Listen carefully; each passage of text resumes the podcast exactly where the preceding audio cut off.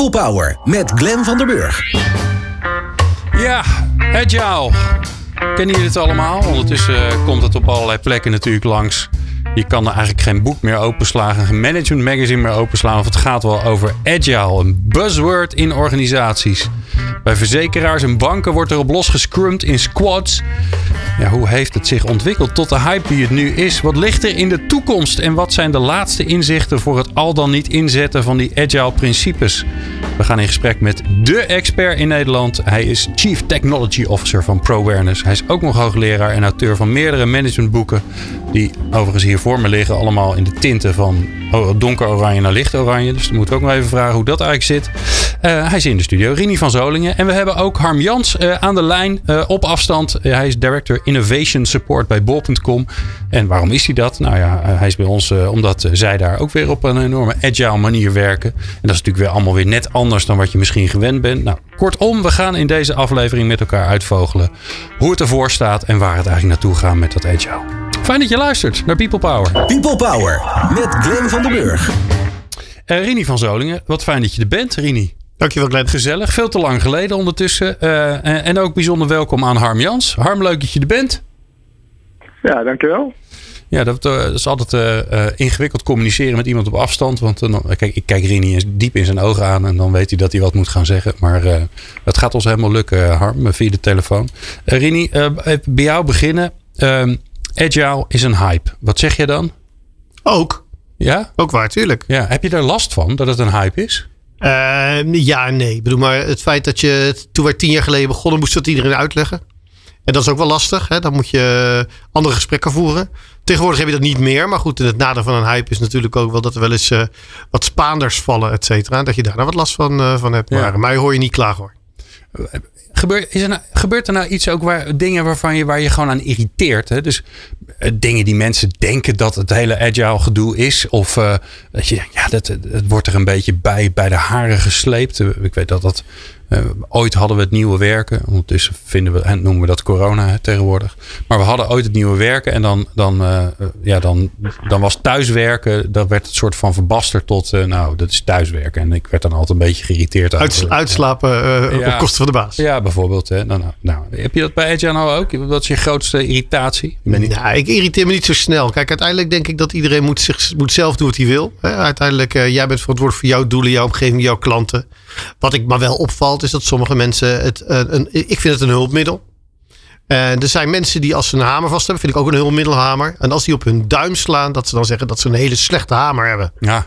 En dat is met Agile niet, niet, niet, niet anders. Hè? Dus eh, als je het kunt gebruiken in jouw voordeel, dat is prima. Maar dan doe jij het nog steeds. Ja. En heb jij mooie resultaten. De andere kant is, is er ook. Hè? Dus er zit een soort retorische truc vaak in, in, bij Agile methodes. Dat als het lukt, dan zeg je, goh, zie je wel, Agile werkt. En als je het niet lukt, zeg je: Gooi, zie je nou wel dat je het niet goed hebt toegepast. Ja. Dat is ook niet helemaal fair. ja, ja, of andersom. Ja. ja. ja. Nou, het leuke is. Uh, uh, uh, het beeld wat een beetje ontstaat is dat dit, dit hartstikke hip, hip en nieuw is en zo. Hè? Maar dat is het eigenlijk helemaal niet. ik ben even in de archieven van People Power gedoken. Want een jaar of denk drie, vier geleden, uh, had ik uh, de eer om een van de, van de grondleggers van ah. Agile, de, van de Agile Manifesto, uh, Jeff Sutherland te spreken. Degene die ook een van de bedenkers van Scrum. En ik vroeg aan hem van ja, hoe is dat nou eigenlijk ontstaan? Dus je bent helemaal de spelonken hierin gedoken. Je bent zo'n oh, zo, ja, zo spoel, zo'n spoel, ja, ja. zo'n zo'n tape. Ja, en dan ben je vol spinnenwebben. Ja, en je hoort ook kraken straks. ja, ja. Dus laten we even naar Jeff luisteren wat hij eigenlijk zegt over het ontstaan van, uh, ja, van de hele agile beweging. I was pulled into a big banking company to help them with the future technologies. And I, I looked at what they were doing with their projects and their projects tended to be late. And when they were late, the, uh, the managers would try to uh, have more reports, have more meetings, have more micromanagement. And I looked at that, and uh, the dynamics of that would just to make the projects later. So I, I went into the CEO and I said, you know. Um, I'm just a medical school professor, but I have to tell you, those guys on the floor don't look like the guys I work with at Bell Labs.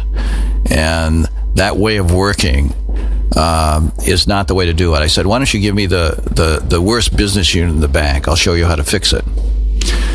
And, uh, and what, was, what was the what was the worst one? It was the the the the unit that was rolling out automated teller systems in 150 banks all over North America, and it was a new technology for them. So the bank was struggling. Uh, the comp- the uh, the revenue was um, was much less than expenses were 30% more than revenue. They were losing money, a lot of red ink.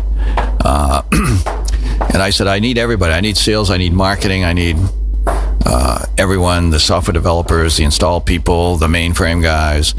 Uh, and we'll get them all in one team. We'll split them into small teams of four or five people. Um, and I said, what I'm going to do is show them how to land a project, just like just like we train a new fighter pilot how to land an airplane. You know, you practice over and over again until you can nail it. Uh, we're going to start the week for every team. They're going to have a back prioritized backlog. Uh, we're going to have somebody from product marketing that that prioritizes that list. And at the end of the week, every team is going to be live. Whatever it is that they're building, whether it's in marketing or it's software, it's live. And we're going to practice that every week until we can nail that, that landing. Less than six months, that was the most profitable business unit in the bank. That was 1983. It was the first prototype of Scrum. Ja, Rini, 1983. Ik was 12. Hoe oud was jij? Ik zat nog in mijn vaders buik, denk ik. ja, zo jong ben je nog. 1983. Joh, dat hele agile, dat is hartstikke oud. Is niks nieuws aan. Wat nou hype? Het is gewoon, het is, als dit een hype is, dan is het wel heel langzaam uh, gehyped. Nou, maar daarom zeg ik, hè, het is in veel gevallen is, uh, zijn gewoon mensen die slimme dingen doen in een, in een omgeving. En Jeff die vertelt het perfect dat hij zijn omgeving niet is op alle aannames is door gaan bouwen, maar gewoon met trial and error of uh, mooi wetenschappelijk empirisch is gaan kijken wat werkt wel. Nou, daar houden we dat, wat werkt niet. Dan moet je iets anders op vinden. Dus als je het zo bekijkt, is er eigenlijk helemaal niks nieuws onder de zon. Nee. En tegelijkertijd, op dat gestructureerd, op grote schaal, in grote ondernemingen door te voeren, dat, dat is geen, geen kinderzin. Dat is, dat is geen sinecure. En daar moet je gewoon echt op een gestructureerde manier aan werken. En dat zijn veel organisaties aan het doen. En die hebben daar prima resultaten mee. Dus in die zin denk ik van, nou ja, fijn toch dat het een hype is, als we de mensen mee helpen. Ja.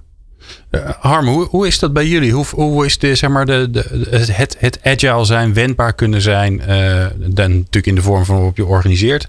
Hoe is dat bij jullie uh, bij bol.com? Hoe zit dat in elkaar?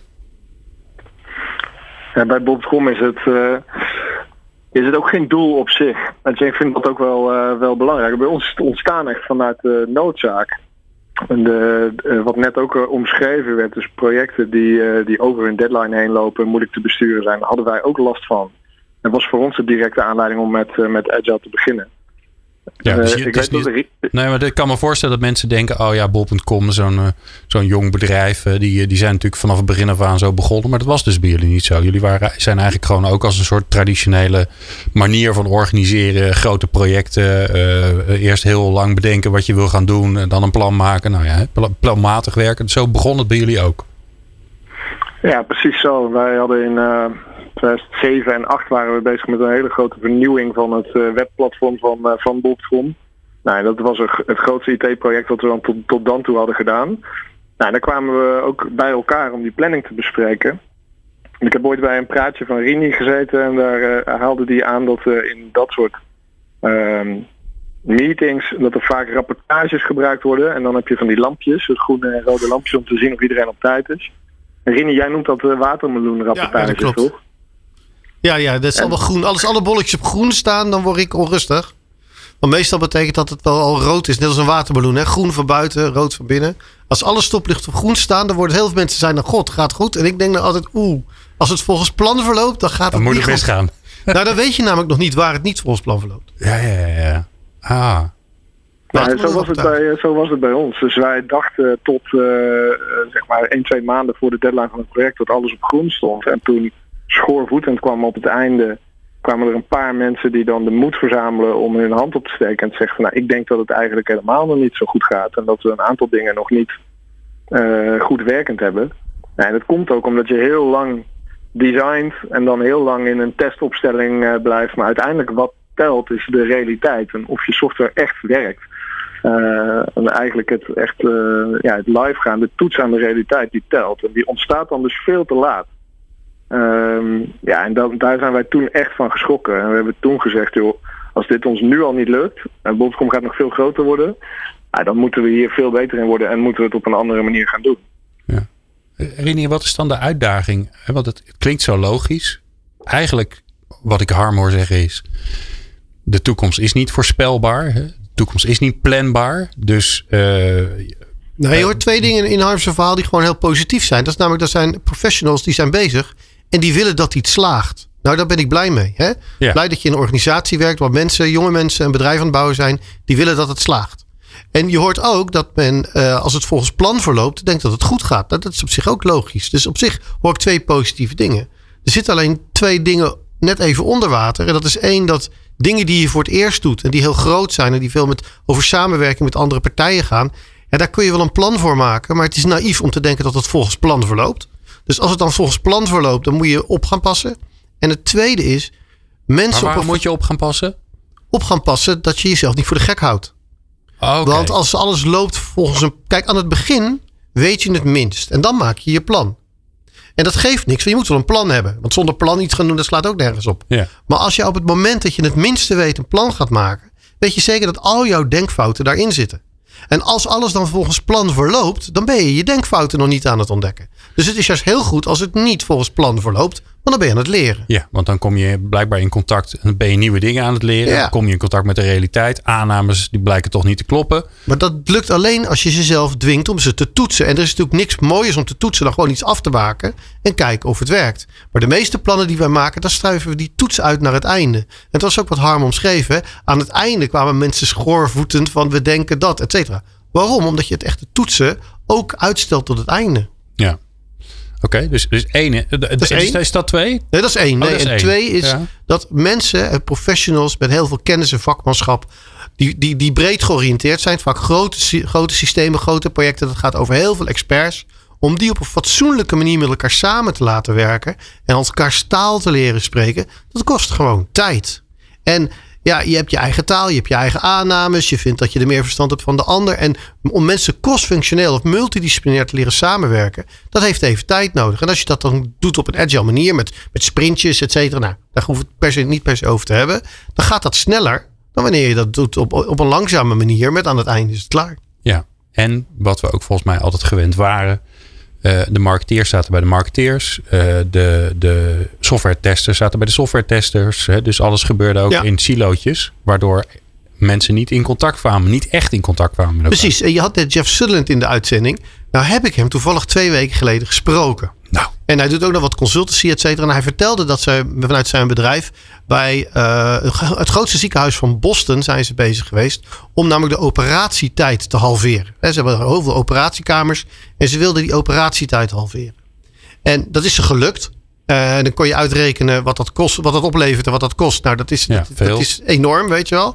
Maar het moeilijkste in dat, in dat hele traject, eh, dat, dat heeft, vertelde hij ook. Het moeilijkste in het hele traject was om de artsen en de chirurgen door te laten krijgen dat de schoonmakers ook mensen waren. En dat die eigenlijk bij, hem in, bij hun in het team zitten. Ja. En zodra de schoonmakers van de operatiekamer met de chirurg in contact komen en gaan zeggen: wat zijn we nou eigenlijk met z'n allen aan het doen? Dan is het eigenlijk vrij makkelijk om dat terug te brengen en te halveren. Maar het lukt niet als men denkt: ja, ik ben een chirurg en dat moet allemaal klaar zitten. En die schoonmaker zegt: joh, ik begin pas als die man helemaal klaar is. En ja, en dan, dan, dan gaat het mis. Dus gewoon mensen op een fatsoenlijke manier met elkaar laten samenwerken. Ja. Dat is de uitdaging. Eh, ja, dat klinkt zo simpel, maar volgens mij komen we er allemaal elke dag uh, uh, achter dat het dat helemaal niet zo simpel is. dat het best wel tegenvalt. Uh, praat zo heel graag met jullie verder. En dan, um, ja, een van de dingen waar ik nou benieuwd naar ben, want je hoort al die verhalen over die grote organisaties die dit allemaal aan het toepassen zijn. Nou, bol.com is er natuurlijk één van. Hoe zorg je er nou voor dat al die kleine teampjes, dat dat ook weer dat die ook weer snappen dat er een groter geheel is. Nou, dat hoor je zo. Leiderschap, leren, inzetbaarheid en inclusie. De laatste inzichten hoor je in People Power. In studio Rini van Solingen, uh, agile koning, god, expert, maar vooral leuke man uit Zoetermeer. En uh, aan de telefoon Harm Jans, uh, eerder bij ons in de uitzending geweest van bol.com. Als je nou denkt van nou, hoe, hoe doen ze dat dan allemaal bij bol.com en hoe, hoe werken ze met elkaar? Dan moet je vooral die aflevering luisteren. Dan zoek je gewoon even op onze website peoplepower.radio op bol.com en dan komt het goed. Um, ja, nu vooral als, als mede-expert op het gebied van agile. En natuurlijk een man uit de praktijk. Hè, want je, ja, elke dag is hij ongelooflijk agile aan het werk. Um, grote organisaties. We kennen natuurlijk allemaal het verhaal van ING, maar ABN AMRO is heel druk bezig. Uh, Rini, eerst maar even vragen aan jou. Welke niet-IT-organisatie is er nou, of IT-achtige, want de bank is uiteindelijk ook gewoon een IT-organisatie. Welke, wat vind je nou de, de, spannendste die je langs hebt horen komen, die, de, die, die, die die transformatie aan het maken is? Oeh, ja, makkelijk. Daar verras je me mee. Uh, ha, vijf punten voor mij. Um, wat is nou de, die ik het, ik het spannend vind? Ja. Maar weet je, als jij er nou even over nadenkt, want uh, het is een spannende vraag. Ik heb uh, uh, ook aan ehm, Jeff Sutherland gevraagd van ja, dat is allemaal leuk die IT, maar eh, gebeurt het nou ook ergens anders? Nou, laten we even vragen wat hij zei. Yeah, well, if you look back at the origins of Scrum, you know, when we formalized it uh, back in 1993, actually, even before I met Ken Schwaber, um, we were impacted by a paper by two Japanese business school professors and they were looking at lean manufacturing teams. And the type of work they saw, the type of cross functional teams working closely together that they saw, reminded them of the game of rugby. And they said, We're going to call that Scrum Project Management. They're looking at lean product development in hardware at places like Honda, Toyota, uh, 3M in the United States. And we said that's perfect because they not only describe how the teams work, but how the managers set up the teams, motivate the teams. So, so it's so it started out in manufacturing. Started in the basis. hardware, the idea. Ah, Oké. Okay.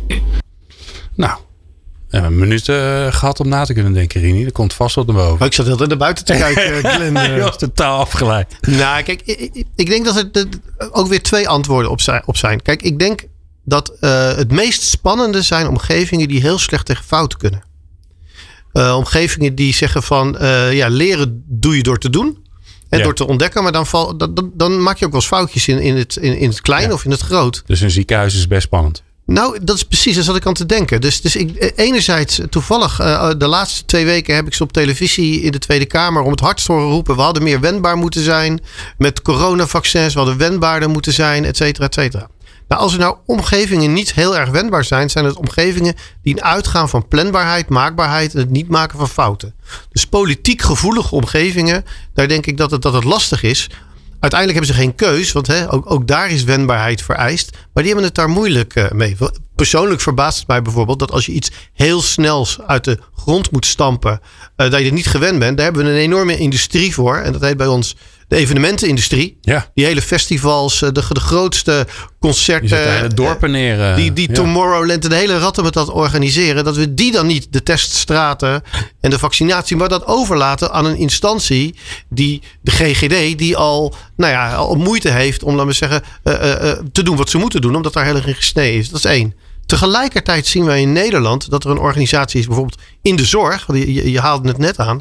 En dat is Stichting Buurtzorg die zich de afgelopen, het afgelopen decennium hebben laten zien dat je met heel weinig bureaucratie, heel weinig overheid, maar het vanuit de bedoeling werken, en daar, dat haalde je ook al aan voor, voordat je naar de muziek uh, ging, die werken vanuit de bedoeling, vanuit het doel wat je met z'n allen hebt, dat die het voor elkaar krijgen en dan opeens een, nou, een lichtend voorbeeld zijn internationaal. Die in de managementboeken als case studie naar voren worden gehaald, et cetera. Ja. Dus ik denk dat, dat dat het bijzondere is, dat het niet zo te zeggen, nou daar en die, dat bedrijf, want Uiteindelijk is het overal een, film of, of, of een ja, reis die je aangaat. Maar met name omgevingen waar men heel slecht tegen fouten kan, is het heel moeilijk. Want uiteindelijk, ja, daar gaat het wel om als je nieuwe dingen wil leren. Dat je soms af en toe op je, op je neus valt, maar dat je eigenlijk maar één keer vaker opstaat dan dat je valt. En hoor ik je dan ook zeggen als, de vraag is natuurlijk waar dat überhaupt nog is, maar stel je voor dat je je, je werk en je business voorspelbaar en planbaar is. Hè? Je, je weet eigenlijk wat er aankomt dan hoef je eigenlijk niet heel erg ingewikkeld te doen. Dan hoef je niet nee. je hele omslag te maken. Blijf dan Behalve als lekker... je dat weer gaat veranderen.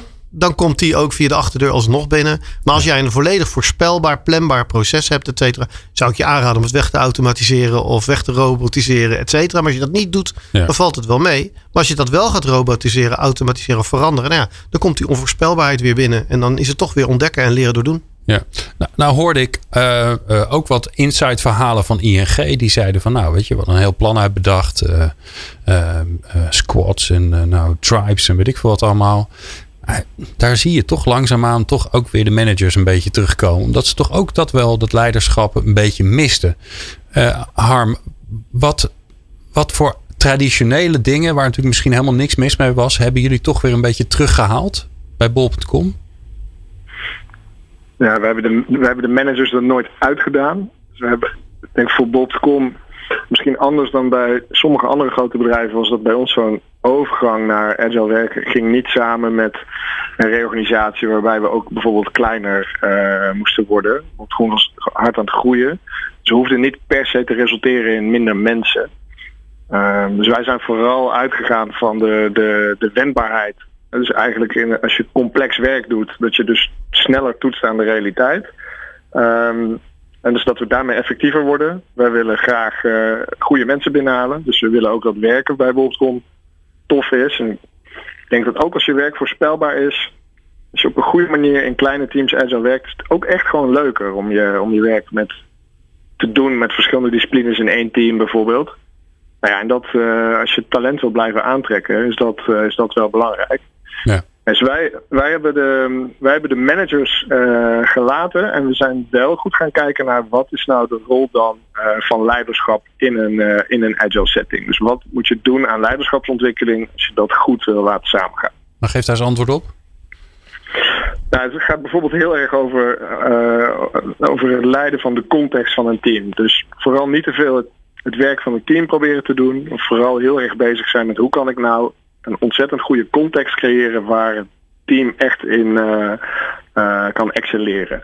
En dat betekent wel echt een shift voor, uh, voor leiders. Het betekent dat je minder in het team bezig bent en eigenlijk meer om het team heen.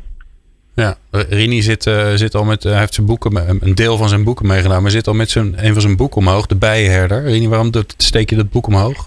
Nou, omdat ik ook bij Harm langs geweest ben en we hebben op Bob.com daar het een en ander mee, mee gedaan. En het managen van de context, of het leiding van de context, zoals Harm dat zo mooi omschrijft. Ik, ik vind dat altijd vergelijkbaar met hoe een imker leiding geeft aan zijn bijen.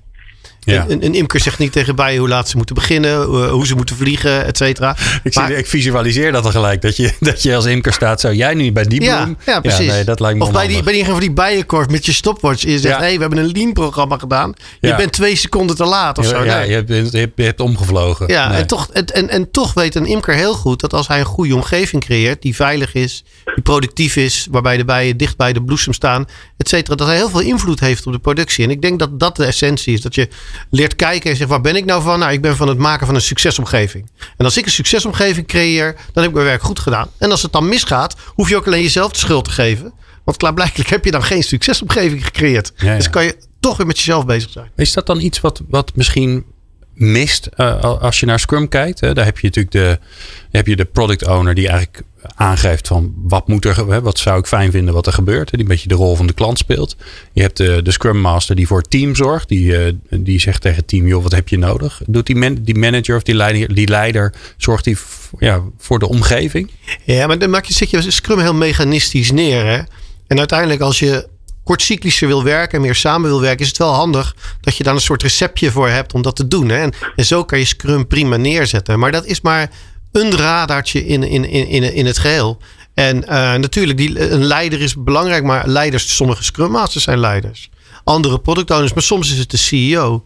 En, en je, je refereerde net naar ING. Kijk, ING is een hele grote organisatie. Die ook afkomstig is voor een deel, als je kijkt naar de postbank, vanuit een traditionele bureaucratische overheidsachtige omgeving. En als je dan tien managementlagen of, of, of acht of hebt, dan is het helemaal in het begin niet zo, niet zo raar om dan te roepen: Goh, misschien hebben wij wel veel te veel managementlagen. En dat iemand dan, dan zegt: Oh, ze, we gaan de managers eruit. Of Agile gaat over geen leiders, geen managers. Ik snap dat wel als interventie. Maar uiteindelijk denk ik dat een organisatie en bij mensen gewoon heel prima gedijen met mensen die, die de leiding nemen. En daar is helemaal niks mis mee. Ja.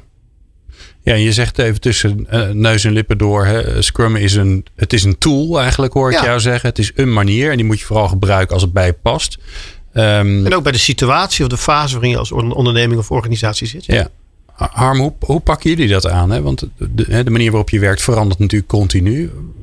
Heb je een soort beeld waar je naartoe gaat? Of, of is de, de ontwikkeling van de organisatie zelf ook een agile proces?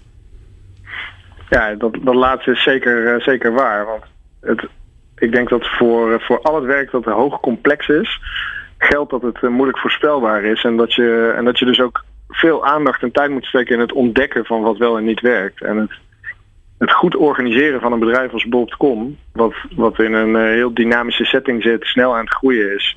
Is misschien wel bijna net zo ingewikkeld als, uh, als een ingewikkeld stuk software bouwen of een, uh, of een nieuw distributiecentrum.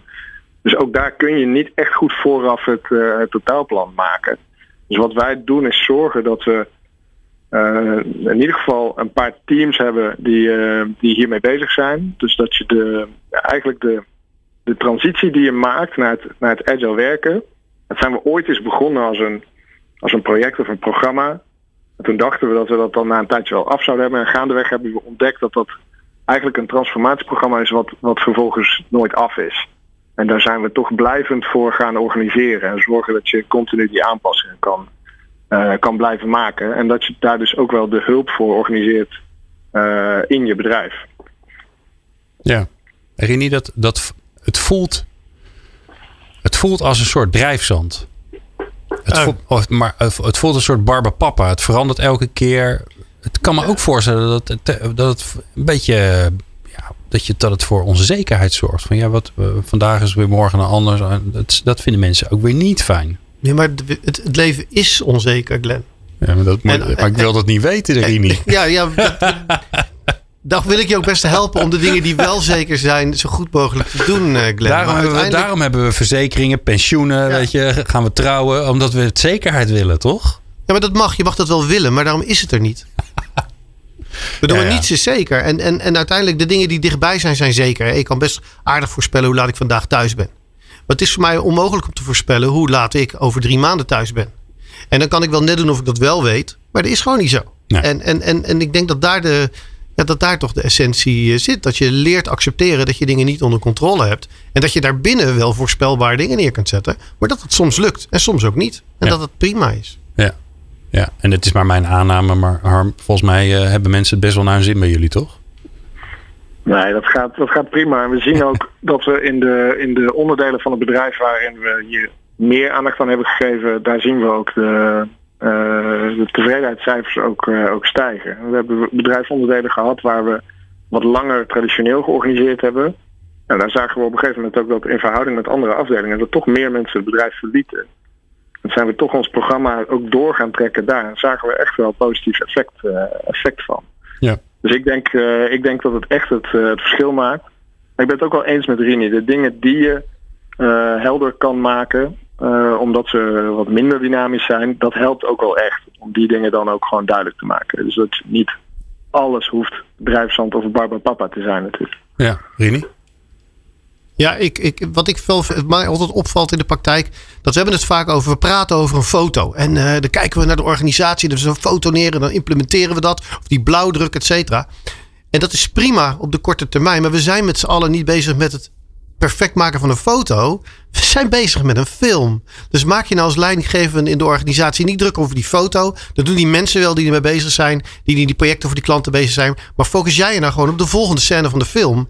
En ik weet je nou, na die scène in die film komt er weer een scène, eh, eh, een nieuwe scène in die film. En als je er zo naar leert kijken, dan kun je op de korte termijn bezig zijn met voorspelbaarheid en dingen maakbaar en planbaar opleveren. Maar op de langere termijn juist die veranderingen en die dynamiek omarmen. Ja. Uh, mooi. We gaan zo eerst even naar onze columnist uh, Sven Romkes, die ik al een hele tijd niet heb gesproken. Dus ik ben benieuwd hoe het met hem is. En jullie natuurlijk ook. Um, en daarna uh, ja, gaan we in de toekomst kijken. wat betekent het eigenlijk? Dat hoor je zo. Experts en wetenschappers over de kracht van mensen in organisaties. People Power. Ja, het is een tijdje geleden. Sterker nog, het is vorig jaar. Dat klinkt heel ver weg, maar dat valt eigenlijk ook wel weer mee. Sven Romkes is onze columnist, uh, strijder voor inclusie in Nederland. En natuurlijk ook werkzaam bij een onwijze agile bank, uh, ABN AMRO. Heer Romkes, hoe is het met u? Heel erg goed. Ja? Ja. Nou, dat is mooi. Dan hebben we het daar ook weer over gehad. Ik ben heel benieuwd naar je, ik ben heel benieuwd naar je column. Jazeker. Nou, de column van vandaag heet Confrontatie. Want we zitten natuurlijk midden in een lockdown. En dat is een behoorlijke confrontatie met jezelf. Want je zoekt eigenlijk naar een doel. Wat wil je doen? Je zoekt een beetje je purpose. En er zijn van allerlei dingen die je zou kunnen doen. Je zou bijvoorbeeld kunnen gaan breien. Je zou bijvoorbeeld kunnen kiezen om de zolder op te ruimen, aan yoga te doen, uh, uitgebreid een culinaire kok leren worden. Uh, je zou eigenlijk van alles kunnen doen, maar we doen het niet. Dat is een beetje de confrontatie van de lockdown. En de lockdown ja. zorgt ook voor het. Sorry? De lockdown zorgde ook voor dat je mobiel ineens viel, of niet? Ja, dat klopt. Heb je hem weer, Sven? Dat is vast, hè? Ja, nee, ja, dat, dat krijg je als je een spaste, nee, De lockdown zorgt ook voor een andere confrontatie. En die confrontatie zien we nu op, uh, op televisie en zo. En dat mensen zo zat zijn van de lockdown en met name de avondklok. Dat ze massaal afreizen naar een bepaalde plaats of een streek en dan dingen in de fik steken of uh, winkels plunderen of allemaal dingen die je zou kunnen doen om je eigen confrontatie uit de weg te gaan. Ik vind overigens dat bij al die, nou ja, uitwassen noem ik het maar even, dat de diversiteit wel heel erg ontbreekt. Uh, je ziet toch te weinig vrouwen. Terwijl bij een gemiddelde opruiming in de winkel, als die weer open zijn, nou, dan zie je toch dat mensen best wel kunnen plunderen en hamsteren. Maar je ziet ze amper terug in het straatbeeld. En ik mis ook heel erg de statushouders en de gehandicapten. Met name die gehandicapten. Hoe mooi zou het zijn als we gewoon brandstichtende, uh, rumoermakende, uh, de lockdown verdrijvende mensen krijgen in elektrische rolstoelen. Of mensen die met hun blinde stok gewoon een winkel binnen proberen te dringen. De eenzaamheid onder gehandicapten tijdens corona is enorm. En dit zou natuurlijk een enorme uh, stap in de goede richting zijn. Maar los van al die mensen die een, net een stapje te ver gaan om de confrontatie met zichzelf uit de weg te gaan, uh, pleit ik vooral voor de stoute mensen. Ik uh, werd laatst gebeld door een vriend die heel erg trots was, ik zal niet zeggen welke vriend, dat hij om vijf over negen van heel dichtbij terug naar huis was gefietst. En bij elk geluidje van een auto of van iets anders achter een boom was gaan zitten. Om maar te kijken of hij niet gezien zou worden door welke controle dan ook. Om de boete van de avondklok te vermijden. Hij kwam binnen om zes over negen. Nou, wat een avontuur. Wat ik ook fijn vind zijn de mensen die een beetje stout zijn, maar op een goede manier die massaal de asielen leegkopen, zodat ze een hond hebben uh, om, om naar buiten te kunnen. En goed nieuws voor al die katten die we nog in het asiel hebben zitten. Het kabinet heeft officieel naar buiten gebracht dat je ook een kat aan de lijn mag hebben. En dat je toch s'avonds buiten de avondklok in de lockdown naar buiten mag. Ja, hoe mooi is dat? Ik ben benieuwd hoe ver dat dan gaat. Zouden er ook andere dieren worden vrijgesteld? Dat je met een gans mag lopen, of met een olifant, of met een geit, of met alleen maar een riem of met een ander mens aan die riem. Weet je, de mogelijkheden zijn eindeloos. Zelf ben ik eh, dit weekend ongelooflijk de confrontatie met mezelf aangegaan. Ik heb een cursus gedaan waarbij ik geconfronteerd werd met alles wie ik ben, waar ik voor sta, waar ik aan denk, hoe ik met dingen omga. Een enorme confrontatie met jezelf. En uh, na drie dagen was ik, uh, was ik weer onderweg naar huis. En uh, er was een beetje ijzel, maar dat ging nog allemaal goed. En ik was vlak bij huis. En toen was er een vrachtwagen met de naam Zwenkel, die zijn naam eer aandeed en heel erg ging zwenken toen hij de binnenbocht probeerde te nemen, waardoor ik bijna op het allerlaatste stukje naar huis nog een goede confrontatie aan zou gaan. Maar uiteindelijk liep het allemaal gewoon heel erg goed af. Zelf uh, confronteer ik na drie dagen zometeen over tien minuten mijn vriendin weer met mij. En ik denk dat ze lang heeft gewacht op die confrontatie, want het wordt nodig tijd om even bij te knuffelen. En daarna denk ik dat ik de zolder ga opruimen met haar. Of yoga, of breien, of rummy cup, of wat ik dan ook maar verzin. En ik moet even kijken waar het riempje van de kat ligt. Ja, en dus geen bakstenen gooien Sven. Want ja, je kunt er natuurlijk ook voor kiezen om zelf de straat op te gaan. Ik zou het wel een mooi beeld vinden. Ja, nee, ik denk het ook. Nee, het is dat ik wat beter te doen heb steeds. Maar ik, ik raad het mensen echt aan. De gehandicapten wel. Die worden, dat, dat kan wel, volgens mij. Ja, nou, we moeten hierbij zeggen dat dit satirisch bedoeld is. Want opruiing is tegenwoordig behoorlijk strafbaar. Dus pas maar op. Ja, ja, zeker. Dit is, mensen, dit is, dit is heel goed dat je dit, even zegt. dit is nou satire. Ik, zal, ja, ik ga een jingle maken en, dit is satire jingle om aan te kondigen. Dat lijkt me heel goed. Dat lijkt me heel goed. Sven, dankjewel jongen. Moet je snel weer eens een keer in de studio zien als het mag. Helemaal goed, helemaal goed. Buiten de lockdown kom ik graag naar je toe. Alrighty. Uh, ja, dames en heren, wij eh, praten zo uh, verder in het laatste blokje met Rini van Soningen en Harm Jans van bol.com. En die hoor je straks. Hoe ontketen je de kracht van mensen in organisaties? People Power. People Power. Praten over Agile. Dat doen we met Rini van Soling en Harm Jans. Uh, Harm Jans van Bob.com, Rini van ProAwareness. En nog allerlei andere dingen. Want TU Delft. TU Delft is natuurlijk een enorm... En boekenschrijver enzovoort. Dat is allemaal te veel. We hebben geen tijd voor. We moeten door. We moeten inhoud leveren. Precies, snel. Rini, um, het gevoel bekruipt mij. Ik, of laat, laat ik je meenemen in mijn hersenspinsel. Ik heb dat uh, mooie boek Scrum gelezen. Ik dacht dat ik het snapte. En nu praat ik met jou en met Harm. En nu ben ik, ik ben een beetje, ik ben een beetje het gevoel van dat ik, dat ik het snap en dat ik ergens opsta kwijt.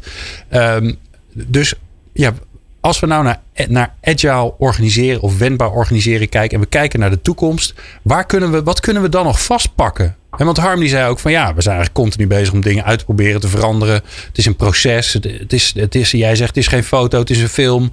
Ah. Ja. Nou, het, het, gevoel dat je, dat je omschrijft is heel goed. Dat een beetje als je in het begin leert schaken. Dan heb je het eerste boekje om te leren schaken. Dat is heel makkelijk. Dan heb je de spelregeltjes, et cetera. Dan denk je, goh, dat is allemaal fantastisch. En, je, en hoe meer je die kent, hoe beter je denkt, goh, hoe, dat schaken is eigenlijk best simpel. En hoe, hoe meer je het dan gaat doen, kom je erachter dat het helemaal niet simpel is en heel erg ingewikkeld. En ik denk dat je dat, je dat wendbaar organiseren in organisaties eigenlijk precies hetzelfde kunt zien. In het begin lijkt het simpel. Dan heb je, dus, heb je, heb je Scrum en heb je je regeltjes. En denk je, oh, als we dat dan doen, dan zijn we er. Ja. En als je dat dan begint te doen, dan kom je erachter hoe verschrikkelijk ingewikkeld en moeilijk en lastig het eigenlijk stiekem is. Ja, maar nou, nou zijn er organisaties die, die, die vragen jou om te helpen. Die vragen jouw collega's om te helpen. En die ga je dan helpen. En, en dan, als dit je verhaal is, dan, uh, dan omarmen ze je niet, denk ik. Nou ja, dus soms moet je, je moet, je moet ook niet altijd alles in, in het vooruit vertellen. Hè? Ik bedoel, maar vertel jij je kinderen hoe, hoe lastig en ingewikkeld het leven is? Of denk je van, nou ja, ik help je nu met leren fietsen. Daarna met uh, zelf je huiswerk maken, je kamer opruimen. En dan komt er vanzelf een moment waarbij jij erachter komt hoe het werkelijk in elkaar nee, zit. Ik vertel ze vooral, het komt wel goed, joh. Ja, nou dat is met dit ook niet, niet anders, weet je wel. Maar ik denk dat uiteindelijk, er zitten een aantal principes in. En dat werkprincipes. En die, die pas je stiekem veelal in je leven sowieso al toe. Nou, zullen we die even doen? Ja. Dan, en dan gaan we een beetje. Ik ga niet om en om doen, want dat is een beetje klassikaal. Maar ik ga er ook wel een paar aan. is niet allemaal weggemaaien. Maar ik ga Harm er ook een paar vragen. Harm, dus dan kan je vast nadenken. Ja. Maar Rini, jij mag beginnen.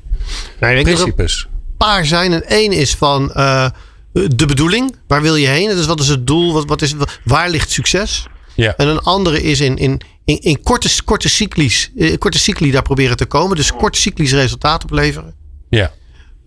Um, veel contact. De mensen die het werken doen veel contact uh, met elkaar laten hebben. Um, ja, dus pauze. Pauze. Pauze, Rini, pauze. niet. Harm.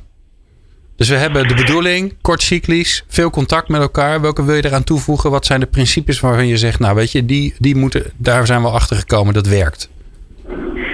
Nou, een van de principes die wij uh, aanhouden is dat onze teams altijd verantwoordelijk zijn voor de oplossing, dus voor het, uh, voor het hoe. Dus het kan best zijn dat er uh, vanuit de leiderschap geprioriteerd wordt bijvoorbeeld. En dat we duidelijk zijn en dat we inspireren op het waarom. Maar het zijn uiteindelijk altijd de teams die, die de lastige problemen voor onze klanten oplossen. Die verantwoordelijkheid die, die moet ook echt op dat niveau belegd worden. Ja. We willen niet te veel management laten nadenken over het hoe. Is, is dat een andere? De klant dichtbij? Nou ja, dus het ordenen. Ordenen op waarde. Dat is degene die bijvoorbeeld ook nog gemist uh, had. maar die moet je even uitleggen. Ordenen op waarde. Nou, dat het, het maximaal resultaat tegen minimale inspanning eerst. Oké, ja. Dus de dingen doen die, die ertoe doen. Ja, en, dus de dingen, die er minder toe doen. Die, precies, prioriteren. Die mogen best um, wachten. En mensen die het werk doen zelf uit laten zoeken. Dat is wat Harm ook zegt. En dan het hoe dus mogen ontdekken. Ja. Um, ja en pauze. Ja, Harm? Ja, en de verschillende disciplines bij elkaar brengen. Dus voor ons, of we nou in een software setting zitten of in uh, commerciële operatie, voor ons echt belangrijk dat we uit silo's wegblijven en dat ja. de verschillende disciplines echt samenwerken. Ja. En, en hoe zorg je er dan voor dat ze dan wel weer van elkaar leren? Want ik vind het wel fantastisch om met een presentator te praten over het vak en dan te horen hoe zij of hij iets aanpakt. Dus hoe zorg je daar dan weer voor? Want weet je, ook multidisciplinaire teams hebben zo hun nadeel. Ja, zeker.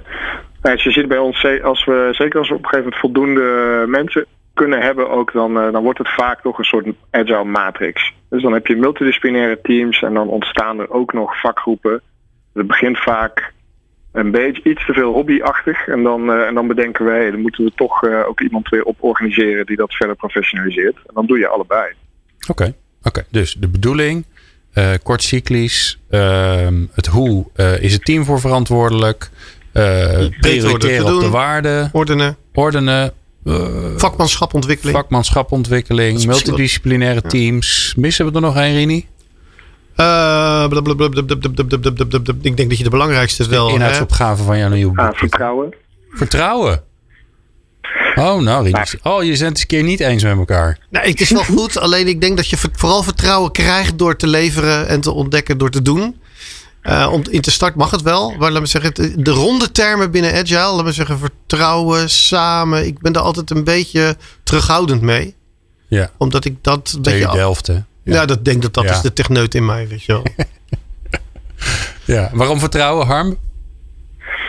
Nou, voor ons is toch wel de, de basis ook, uh, zeker als je, als, als, je, als je toch leiders houdt. Dus als je niet al je managers op straat zet, dan begint veel van de, van de verandering die je maakt, begint toch ook al in uh, dat eigenlijk in de plek van de organisatie waar de macht ligt, als het ware, die je tot dan toe veel voor het zeggen hebben, ja, dat die toch echt wel gaan vertrouwen in, uh, in de mensen in de teams. En die eerste stap, die ligt echt bij, uh, bij de leiders. Daar ga ik wel in mee hoor.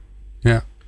Psychologische veiligheid is, is, de term die we veel horen ja, tegenwoordig. Hè? Ja. ja, en dat is natuurlijk wel dat je in dat vertrouwt, net als een imker, dat de bijen hun werk gaan doen. Dat soort vertrouwen natuurlijk wel. Ja.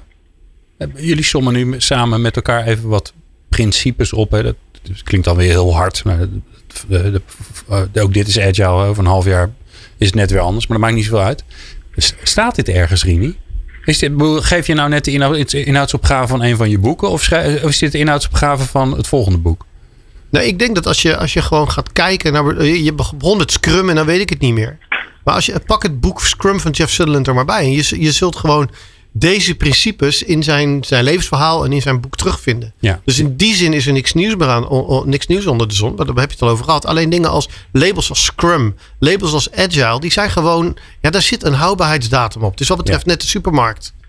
En ja, dan ga je toch andere labels krijgen naar de toekomst. Die misschien in principe de, uh, op basis van dezelfde ideeën gestoeld zijn. Maar die dan net even wat anders klinken. Ja, ja. Ja, het grappige is dat, dat, dat nou ja, misschien moeten we daar nog maar eens een keer een, eh, een aflevering aan besteden. Dat die, dingen waarvan we weten dat ze werken, die, maar die, niet, die, die je niet beet kan pakken. Hè? Zoals de bedoeling, uh, die is belangrijk. Hè? Dat, je, dat je met elkaar snapt wat je aan het doen bent. Ja, nogal wie dus, denkt iedereen. Uh, maar ga maar eens kijken op hoeveel plekken het geregeld is. Hè? Dat, ja. dat valt dan weer heel erg tegen.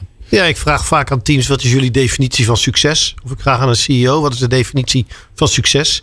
En in meer dan de helft van de gevallen weten ze het niet. Nou, dan ga je vervolgens zie je dat teams ermee in de gang gaan.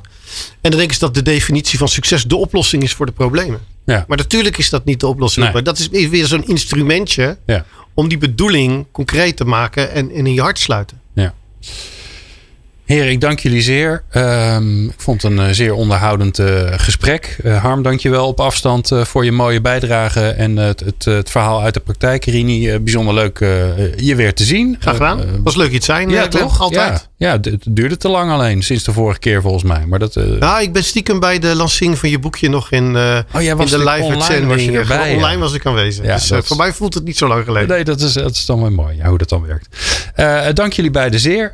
volgende aflevering aflevering van People Power gaan we het hebben over. Is een keer hebben over. Dat is wel leuk, want het is een onderwerp wat heel vaak langskomt, maar niet bij ons.